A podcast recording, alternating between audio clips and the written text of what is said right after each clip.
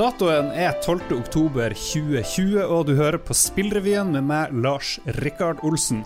Til stede for å snakke om det vi mener er de viktigste sakene fra uka som gikk, finner du også bransjeveteran Jon Cato Lorentzen og Pressfire-redaktør Jarle Ravn Grindhaug. Velkommen, gentlemen. Takk. Takk, takk. Så mye koseprat var det i denne episoden. Vi går rett på nyhetene. I slutten av september så kom det som nå er tidenes største kinesiske spillansering. Genshin Impact er utvikla av MiHiYo og er et gratisspill til PC, PlayStation 4 og mobil, som låner tungt fra Nintendo-suksessen The Legend of Zelda Breath of the Wild. Mobilversjonen ble lasta ned 17 millioner ganger i løpet av de fire første dagene etter launch. Spillet er som sagt gratis å laste ned, men Nihio tjente likevel 60 millioner dollar den første uka, og jeg tror det var på Apple og IOS at de pengene ble tjent inn, så gud vet hvor mye de har fått fra PC og PS4. Jeg vet ikke så mye om det her spillet, Jon Cato. Hva, hva dreier det seg her om? Det er basically uh, Breath of the Wild uh, laga som et gratis uh, mobilspill. Altså Det har alle elementer fra Breath of the Wild. Uh, visuelle stilen, gameplayen i form av klatring og lage mat og masse andre småting. Det som er nytt her, er at du har masse ulike karakterer. Altså Du bytter mellom forskjellige karakterer med forskjellige powers og styrker. Eh, så du skal liksom bruke elementer mot hverandre, eller ulike spesialangrep. Så du må prøve å optimalisere teamet ditt.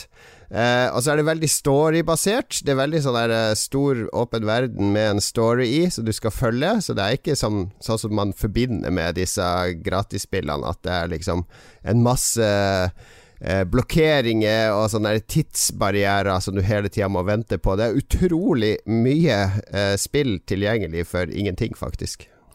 Spillet har ikke fått spesielt mye omtale i norske spillmedier, ser jeg, Jarle. Hater dere Kina? Eh, nei, vi hater ikke Kina. Eh, vi har vel et avmålt forhold til kinesiske spill, vil jeg si. Og spillnyheter fra Kina tar nok litt tid før det kommer. Dette, akkurat dette spillet her, jeg må ærlig innrømme at grunnen til at vi ikke har dekka noe særlig, er jo fordi at det kom litt sånn ut av ingen for, for oss. Så har vi liksom blitt mer oppmerksom på det i det siste. Ja. Det, det er ganske stor satsing, Fordi jeg tror det er studio som har laga det, er 300 personer som har jobba i fire år med det spillet. Så eh, det, det er jo helt på høyde med liksom de aller, aller største vestlige trippel A-spillene. Og på en måte en litt sånn ny tilnærming til spill eh, fra, fra Kina. Vi ser flere eksempler på det denne høsten. Det kommer også Det er jo sånn akkurat nå er det vel siste dagen på Steam sin eh, sånn høstfestival, der man kan laste ned demo av kommende spill. Og et av de mest populære der er jo Party Animals, som er et kinesisk utvikla ikke rip-off, men en variant av Gang Beasts og, og Fall Guys, eh, der man skal slåss mot hverandre med sånne komiske figurer i ulike scenarioer. Superpopulært. Eh, igjen kinesisk eh, Litt sånn atypisk kinesisk spill. En liten endring da fra Breath of the Wild tror jeg, som de har gjort, som jeg tror kanskje er smart rent kynisk-messig, er at eh, jeg tror det er kortere vei mellom alle oppgraderinger. Det er litt mer rollespill enn eh, enn det Breath of the Wild kanskje er. Eh, litt mer tall på ting og sånne ting da, som gjør at du føler veldig at du får liksom feedback fra spillet på en fremgang veldig ofte. Forretningsmodellen på det her og andre spill, spesielt i Asia, kanskje er det gacha? What is this, Jon Cato? Litt forenkla kan du si at det er lootbox-basert. Det er mange varianter av gacha, da, men innad her så er det et sånt styrkeforhold, som Jarle sier, det er mye tall og RPG-elementer. Så at du fra disse lootboxene, så kan du få uh, ulike karakterer, da, som du kan putte inn i stallen din. Jeg, jeg, tror det er 20 forskjellige karakterer eller noe sånt i spillet. Uh, og disse karakterene har da en rating fra 3 til 5 stjerner. Eh, så det er random om du får eh, en karakter, og så er det random hvor, hvilken styrke den karakteren har. Og så Akkurat som i Fifa Ultimate Team, som, uh, som har en forretningsmodell som er sterkt kritisert, så er det under 1% for å få en femstjerners karakter. Altså 1% sjanse for å få en femstjerners karakter fra en sånn uh, pakke. Uh, så det er jo det som er forretningsmodellen, er jo disse forundringspakkene eller lootboxene som du får i en jevn progresjon gjennom spillet. Eh, og du får Altså, jeg spilte noen timer, du får absolutt nok til at du kan ha en, en, roster med karakterer og gjøre veldig veldig mye i spillet. Men skal du ha liksom toppteamet med femstjerners av de beste karakterene, eh, så er det nok vanskelig å komme seg dit uten å måtte begynne å kaste penger på spillet. Da jeg gjorde litt research på Genshin Impact, så så jeg at det var noen som har hissa seg opp, fordi som med alle andre kinesiskproduserte spill som ikke har egne utenlandske editions, så er det forbudt å nevne ting som Hongkong og Taiwan. Gjør det at dere får mer eller mindre lyst å spille det? Er det noe spillere bryr seg om, tror dere? Kan gå tilbake til Super Nintendo og spille Uni-rally. Der var det ulovlig å skrive Sega på high score-lista. Det, det ble sensurert, så det, det, er tåpelig eh, å legge sånne restriksjoner eh, i, eh, i, en chat som ikke går på direkte hetsing. Altså stygge ord og, og, og sånt som man er vant til blir sensurert i chat. Nei, Jeg tipper det kommer til å bli mer vanlig etter hvert som Kina blir en større aktør. Og Jarle, hva, hva du tenker om Kinas rolle i spillverdenen i tida som kommer? Det er jo noe vi er nødt til å enten ta et oppgjør med, eller bare innfinne oss med at de en, blir, kommer til å bli en stor stormakt innen spill. De har jo en, begynner å få en ganske stor innflytelse på alle kulturprodukter Eh, de redda jo på en måte Warcraft-filmen eh, alene. Den gjorde jo ikke bra i Vesten, men gjorde det kjempegodt i Kina. Så nå når det har begynt å gå rykter om en oppfølger, så er det liksom litt pga. Kina. Så da kan du jo forvente at de må føye seg til, til det kinesiske sensur, sensurorganet. Og sånn er det litt med, med spill også. Hvis man skal ha tilgang på det enorme markedet som Kina er, så eh, må enten selskapet ta et ordentlig oppgjør med det, eller bare finne seg i det. Og det er jo ja, hva skal man gjøre? Eh, det er jo ikke så mye vi får gjort med det, men eh, jeg syns ikke man skal legge seg ned på ryggen og ikke diskutere temaet uansett. I regjeringas forslag til statsbudsjettet for 2021 så øker støttemidlene til dataspill med 5 millioner kroner. Filmfondet får 4,8 åtte øremerka millioner som skal brukes til å støtte spillprosjekter og arrangement rundt dataspill. Samtidig så flytter Kulturdepartementet 2,3 millioner av Filmfondets penger til Filmsenteret, som bl.a. skal bruke pengene til å videreutvikle strategier rundt dataspill. I tillegg så bevilges det 200 000 kroner til det nyoppstarta spillsenteret i Bergen. Fem millioner ferske kroner til spill, men eh, jeg syns dere skrev, eh, Jarle, i Pressfire at det skulle komme ti millioner kroner. Jeg er litt uh, forundra her.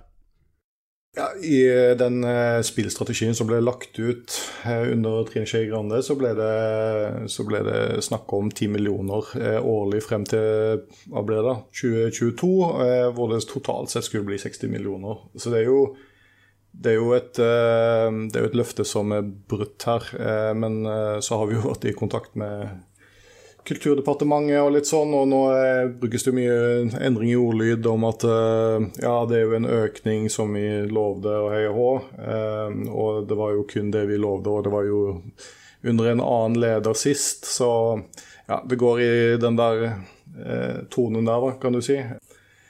Men det store målet her er vel eh, det som er viktig, kanskje. De 60 millionene som skal være eh, til slutt. Eh, så må jo kanskje Jon Cato, som faktisk kommer fra spillbransjen, svare på om det føles som et løftebrudd. Det Ja, det føles litt som et løftebrudd, det gjør jo det. det jo alt, man blir jo alltid glad for å få økning, men de økningene har jo alltid vært Det har aldri vært en ordentlig satsing, ikke sant. Og så får man hele tida høre at nå skal vi satse, nå skal vi satse. Og så blir det blir litt for lite til å gjøre den store forskjellen som man går og venter på. Altså Det blir, blir ikke nok til å ha det, det, mange har sett etter, er jo at hvis du har et spill med et budsjett på 30-40 millioner, at man kan få en eller annen garanti for 25% 30 eh, av det fra NFI. Da er det mye lettere å skaffe seg resten av de pengene via private eller investorer eller publishere, fordi du har den den sikkerheten i ryggen, og du kan vise til at de har troa på prosjektet. Derfor eh, burde, dok burde dere ha troa på det. Så at eh, det, det, er, det er nok til å holde den bransjen som er her nå, som er 300-400 personer, altså ca. 5% av den svenske spillbransjen, i gang. Eh, men det er ikke stimuli nok til å få den til å vokse. Ville regjeringa vært mer keen på å støtte norske spill hvis man fokuserte mer på eh, innbringende gacha-spill, sånn som eh, det som vi nettopp har snakka om? De tjener 60 millioner dollar på en uke. Eh, norske indie-utviklere, som er liksom det de finnes flest av her til lands, de skal lage nære spill om turer til Nord-Norge og sånne ting, som ikke tjener fullt så mye penger. Kanskje. Altså, jo, de kommer jo løpende når det er suksesser. Da er det plutselig Yes, se hva, hva våre støtteordninger har ført til, osv. Men uh, det, men det er mange eksempler på norske som har prøvd å lage spill i den modellen. Megapop er jo de som har vært mest aktive med å prøve å komme inn i dette free to play-markedet, der du kan generere enorme summer av penger hvis du får høy nok eh, hvis du får mange nok spillere inn og klarer å vri og vende på alle disse mekanikkene, sånn at du får nok spillere til å omsette eller investere penger i spillene. Så, så, det har vært forsøkt, det er jo ikke det. Men uh, det er ekstremt vanskelig å lykkes i de markedene. Altså Den kinesiske modellen og disse storspillene som vi ser kommer fra Kina nå, er gjennomstuderte, ikke sant, i forhold til hva og hvordan og hvordan vi skal nå det publikummet. Pluss at spillkulturen er veldig forskjellig der borte. Når jeg var i Taiwan for et år siden, alle sitter og spiller mobil på T-banen. Og, og, da snakker vi ikke om Candy Crush og sånne ting, men de sitter og spiller komplekse gratis rollespill på T-banen, på buss, på kafeer. Eh, det, det, er liksom helt normalisert å spille gratisspill med disse gacha-modellene der borte, så at du har allerede et marked som er velvillig til å, å, å bruke penger på den type spill, og det, det er litt vanskeligere i Vesten. Det er jo mange som har trodd at det er bare å skru på den modellen, så har du en suksess. Men hvis, siden du nevner Candy Crush eh, de, brukte, de, var vel på hva? spill nummer 37 før Candy Crush smalt. Og det var vel litt det samme i Finland nå, at man hadde prøvd veldig mange spill før det ene satt. Mm. Eh, og man driver jo og opererer med sånn eh, kostnad per bruker man henter inn. Da. Man bruker enorme penger på, på markedsføring. Eh, jeg vet ikke hvor mange ganger jeg har sett Eh, den samme traileren for det samme eh, free to play-spillet på YouTube, nå, men eh, det begynner å bli ganske mange ganger. Jeg er tydeligvis i målgruppa de prøver nå. da. Hvis man skulle få en sånn ordentlig, skikkelig sus og dus-bølge i norsk spillbransje, hva burde, hvor mye måtte regjeringa punge ut med, egentlig? Jeg er veldig fan av det de gjorde i Finland, der de over en periode ga 60 millioner euro til eh, å stimulere vekst i finsk spillbransje. Ganske målretta vekst, vel å merke, fordi Nokia var på hell, og, men de hadde teknologikunnskapen der borte og tenkte at spill kan være noe vi bør satse på. Eh, og, og, det som skjedde da, var at disse selskapene kunne eksperimentere og prøve seg fram, og rekruttere og vokse, og nå disse suksessmodellene som lagdes, fikk ble til selskaper som Robio, Supercell eh, osv. Eh, og disse midlene, som da var veldig mye på, det, på den tida, eh, også fikk mye kritikk internt. Er dere gale? Skal, skal, vi gi så mye penger til folk som sitter hjemme på eh, gutterommet, i anførselstegn, og spiller dataspill? Som jo er den klisjeen man har om spillutvikling. Eh, men det ble gjennomført, og nå betaler jo disse selskapene like mye tilbake i måneden som de fikk i året under den støtteordninga gjennom skatt og alle arbeidsplassene de har skapt. Så, så, det er en langsiktig strategi som de la der, og de gutsa på det. Eh, hadde du gjort noe lignende i Norge, altså virkelig kommet med en pengesekk for å stimulere, fordi vi ligger så langt bak Sverige og Finland, til en viss grad Danmark, at vi, vi, vi, får ikke rekruttert gode folk hit. Vi får ikke lønna folk. De flykter til andre land, fordi der kan de få bedre lønn, eller til andre yrker innen, innen utvikling. Uh, så, så, vi har ikke noe drop-off fra disse store selskapene som Dice og Rovio, som lager nye studioer og ny vekst og finner opp kruttet på nytt. Vi, vi er en liten bransje med en masse innavl, og som ikke har muligheten til å tiltrekke oss de talentene vi trenger for å, for å gå opp i level. Etter hva jeg har skjønt, så hadde de også i Finland en, en, et sånt program hvor, man, hvor staten matcha eh, en eventuell privat investering som kom. Eh, og Det er jo, tror jeg, en bra modell. At eh, hvis, hvis, du skaper 30 millioner i private penger, så kommer staten også med 30 millioner. Det er jo superstimulerende for private penger å komme inn når staten er med og deler risikoen. Og Det er jo en modell som hadde kunne ha funket kjempegodt i Norge, tror jeg, over tid. Litt uh, kjapp research uh, fra usikre kilder her på nettet. 1995 til 2011 så ga Finland 60 millioner euro til spillbransjen, mens de fra 2012 til 2015 delte ut 70 millioner euro. Så 70 millioner euro, 700-800 millioner norske kroner. Det er bare å kjøre på. Og Den timingen der hadde jo vært helt magisk i Norge. Det dette var jo i den perioden hvor Funcom var i vekst. Eh, så kunne man brukt det som et springbrett videre. Istedenfor så endte man jo opp med at eh, Funcom måtte sikre seg all den kompetansen som var i Norge. Og så var det ikke så mye igjen til resten, rett og slett. Microsoft vil prøve å snike inn Xbox GamePass på Apple sine mobiltelefoner og nettbrett.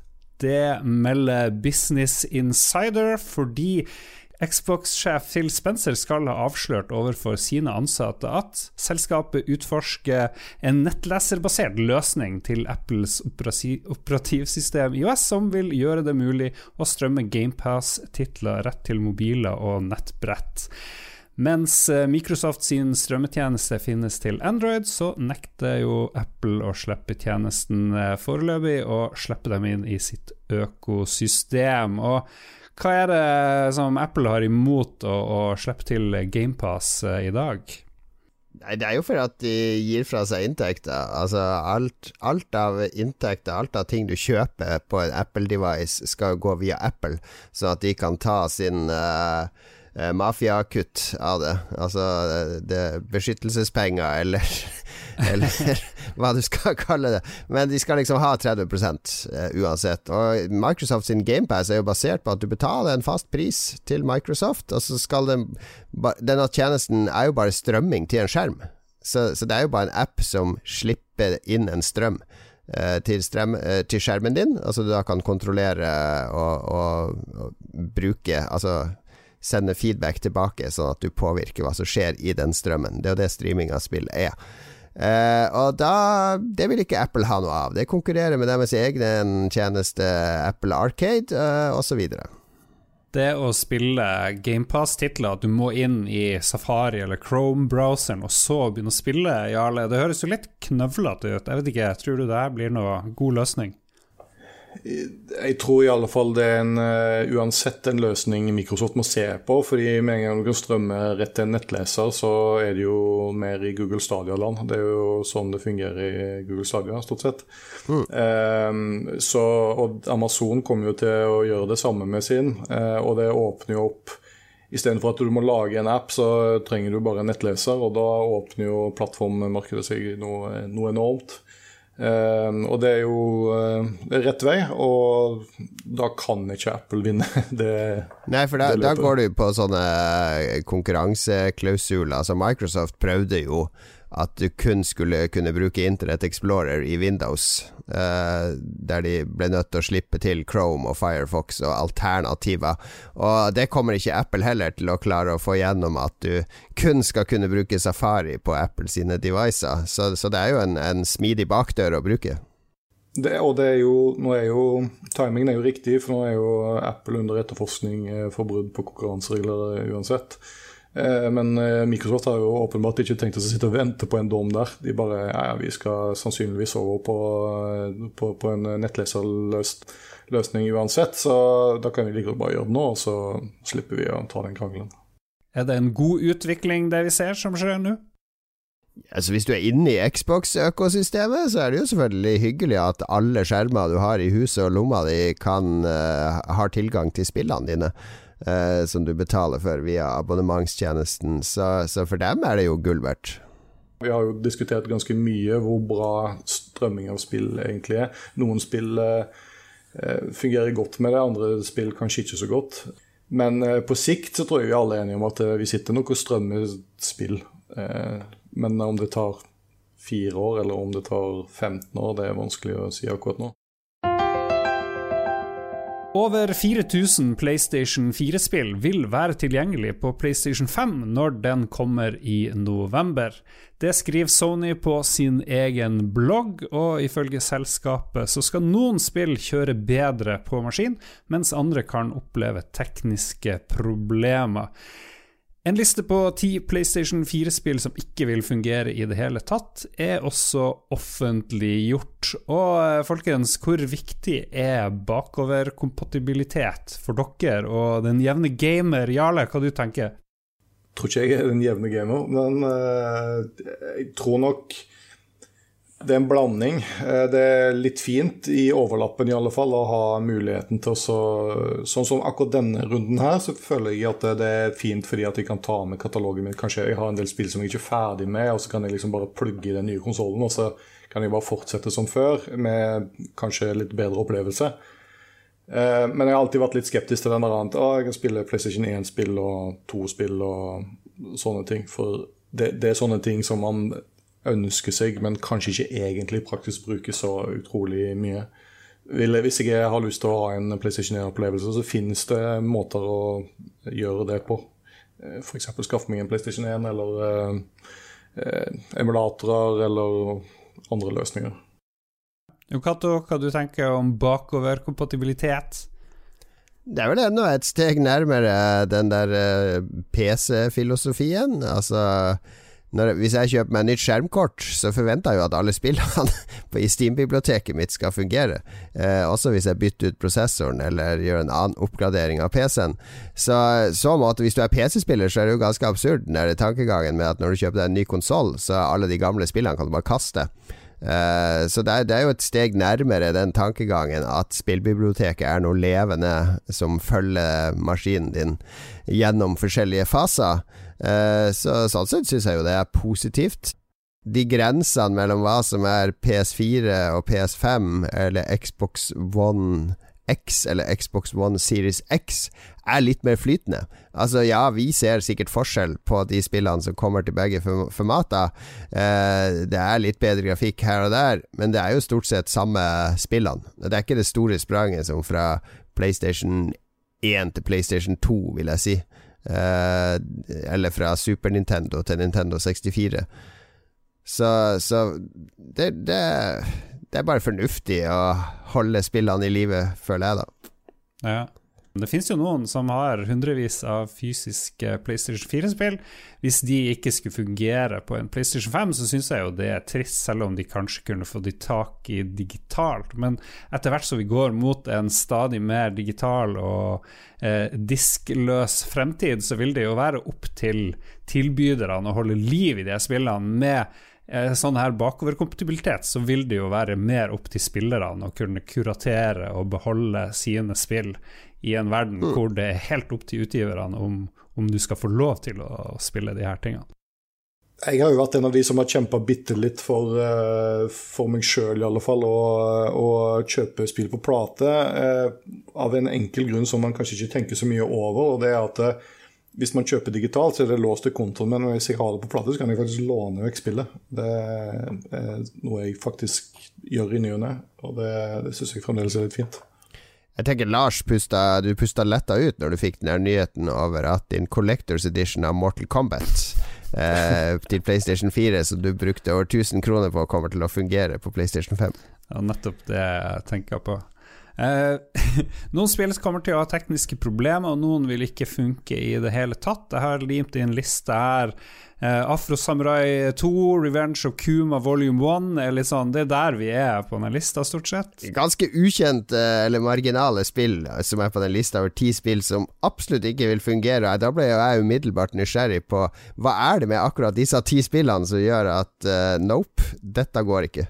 Akkurat Afrosamurai tror jeg har lest på et obskurt forum at det var så dårlig utvikla spill at det har hatt litt trøbbel med å bli godkjent av Sony i utgangspunktet. Men det er et par litt sånn store her, da. Shadow Complex er jo, er jo stort, og Robinson The Journey er faktisk et VR-spill jeg vet at Erik hos oss er veldig glad i. Ja. Men eh, jeg må innrømme at jeg trodde det var langt flere spill som ikke kom til å fungere. Eh, enten fordi de bruker noe helt obskur kontrollsystem som ikke er tilgjengelig lenger, eller et eller annet annet. Til slutt, jeg skal jo spille veldig mye Mortal Kombat X, selvfølgelig. Collectors Edition på min PlayStation 5. Har dere noe dere ser frem til å se om fungerer bedre? Det er, jo, det er jo kanskje noen spill som vil eh, være smooth, og dere har lyst til å teste på en helt ny generasjon. Jeg er spent på å se om det, de loadetiden på to minutter i Destiny 2 eh, Om de hvor, hvor, raskt Destiny 2 klarer å laste, laste, på en PlayStation 5. Fordi etter å ha spilt Destiny 2 på en PC, der ting lastes inn på 20 sekunder, sånn cirka, så er det helt umulig å gå tilbake til PlayStation. Er det bare derfor du ikke går tilbake? Ja, det har litt med 30 frames i sekundet å gjøre, men det har jeg hørt rykter om skal bli bedre på PlayStation. jeg tror jeg skal teste The Last Guardian, faktisk, fordi jeg er moden for å spille det på ny. Og da er det jo en god eh, anledning. Det hadde jo litt sånn framerate issues uh, da jeg spilte det på PlayStation 4, så kanskje jeg får en, uh, en smoothere opplevelse. Women in Games Norway er en interesseorganisasjon for kvinner og kjønnsminoriteter i den norske spillbransjen, ble starta for litt over et år siden. Nå har organisasjonen valgt nytt styre, hvor Anette Ståløy er styreleder. Ståløy jobber til daglig i mobilselskapet Dirtybit i Bergen. Det nye styret har også åpna for at menn nå har muligheten til å melde seg inn som støttespillere. I stedet for at tre menn skal sitte og snakke om det her alene, så har Jon Cato tatt en prat med Anette. Women in Games ble jo formelt etablert på, på spillkonventet på Klekken i juni i fjor. Og hovedmålet er jo å få en mer mangfoldig og inkluderende spillindustri. Det er jo målet til både den norske, eh, norske organisasjonen og også den eh, internasjonale organisasjonen. Mm. Eh, så har vi jo vi har vært veldig opptatt av å, å tilrettelegge for å knytte nettverk. Og sånn, sant, være rollemodeller, løfte frem talenter. Eh, vi har jo lyst til å, at flere skal ha lyst til å bli med i spillindustrien. Mm. Eh, og også bidra til at, eh, at gjerne folk har lyst til å bli. Sant? Bli værende det er jo ofte sånn at hvis man er, uansett om man er en, en, en form for minoritet i, i, en, i en, eh, bedrift f.eks., så um, må man gjerne tilrettelegge for at man skal trives. Så det har vi lyst til å være med og, og bidra til. Hmm. Hvordan ser medlemsmassen ut? Hvor mange er medlem, og er, er alle spillutviklere, eller er det litt bredere? Eh, når vi startet, så laget vi en, en lukket Facebook-gruppe og den har nå vokst til rundt 80, eh, 80 stykker som er med i gruppen. Og der er det både folk som jobber i selskap, det kan være i, i virkemiddelapparat, det kan være studenter, eh, lærere innenfor bransjen. Og så har vi jo nå nylig hatt eh, årsmøte, som enhver forening og organisasjon har. Eh, og der har vi eh, har vi jo nå gjort vedtak på, på, dette som går med medlem. Hvem kan være medlem? Sant? Det er noe som vi har diskutert veldig mye.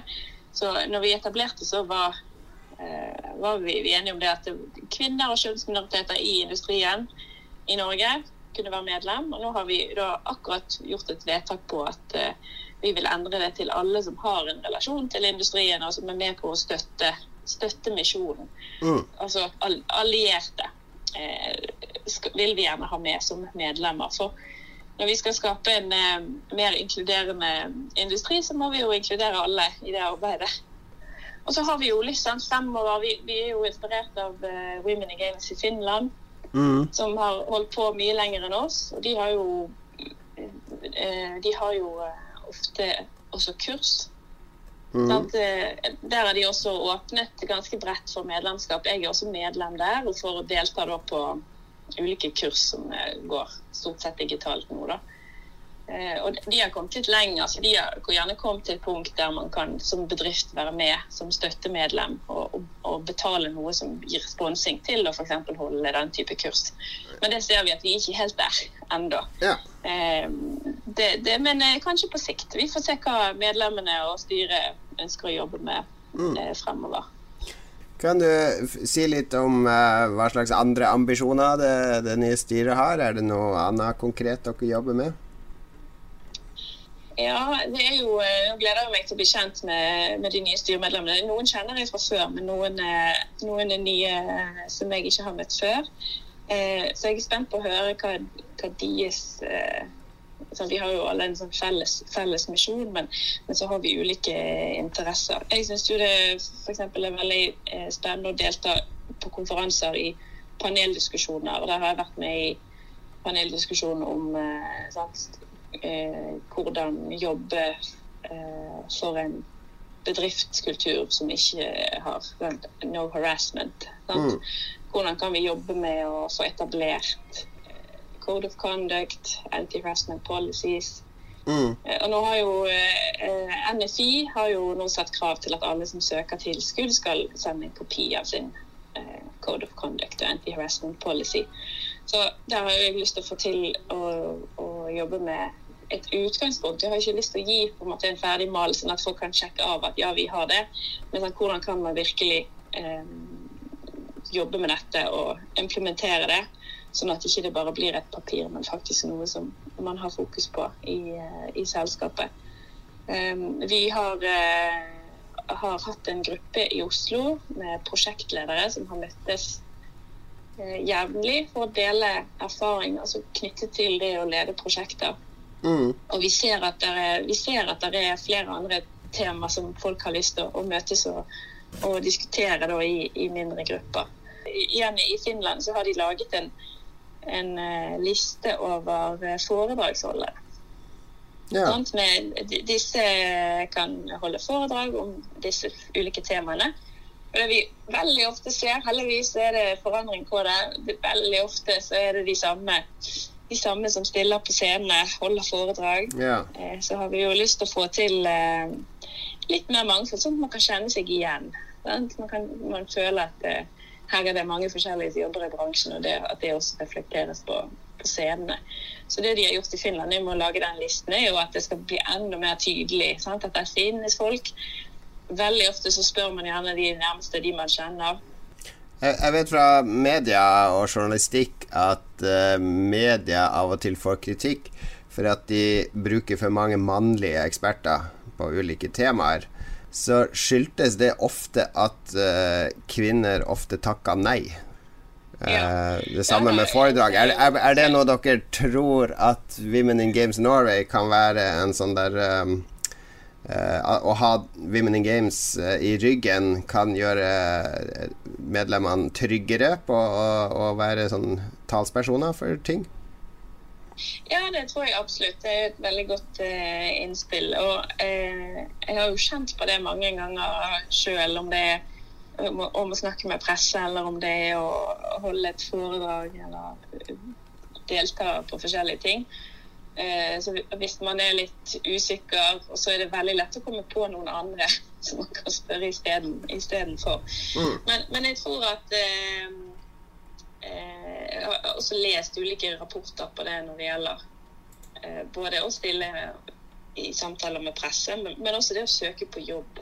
Hvis man, eh, hvis man leser en eh, stillingsannonse, og vi har jo vært veldig flinke i, i denne bransjen og i, i tech generelt til å søke etter Typisk vi søker etter de beste hodene, eller superstars, eller ninja coders. Det, det begrenser litt hvem som egentlig føler at de er i den kategorien, tror jeg.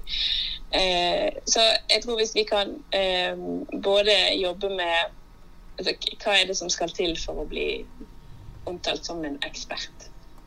Eh, og at vi kan jobbe med eh, å faktisk være villig å, og ta den eh, ta den muligheten til å stille opp. Eh, det tror jeg det er mye vi kan trene på der. Mm. Så det er absolutt noe vi kan jobbe med. I hver episode så ser vi på spillene som kommer denne uka, og vi har et par høydepunkt her, Jon Cato. Det er tre spill jeg vil dra frem som kommer denne uka, som folk bør se litt opp for. Uh, Jens Stoltenberg og Sandra Lyng Haugen heter det fortsatt. Uh, jeg tror begge deres sitt favorittspill var Age of Empires. Det har jeg lest i gamle intervjuer i Dagbladet og andre steder. Så nå kommer jo en Age of Empires 3 Definitive Edition uh, via Microsoft. sikkert gøy for Sandra og Jens. I tillegg så kommer det jo en uh, litt sånn uh, kuriøs flerspilleroppdatering til PlayStation 4-spillet Ghost of Tsushima. Det er jo et spill som jeg liker veldig godt, og du, uh, Lars, spilte, har vel også spilt igjennom det? Ja, runda, runda det for ikke så lenge siden. Det er å dra på raid sammen og sånt, det virker jo ja, litt artig. Ja, det kommer fireplayer raid og klasser i det spillet, det, som er ganske unikt, for det var ikke noen flerspillerdel i det spillet i utgangspunktet. Så det syns jeg er veldig spennende tillegg til et, et superpolert og, og artig spill.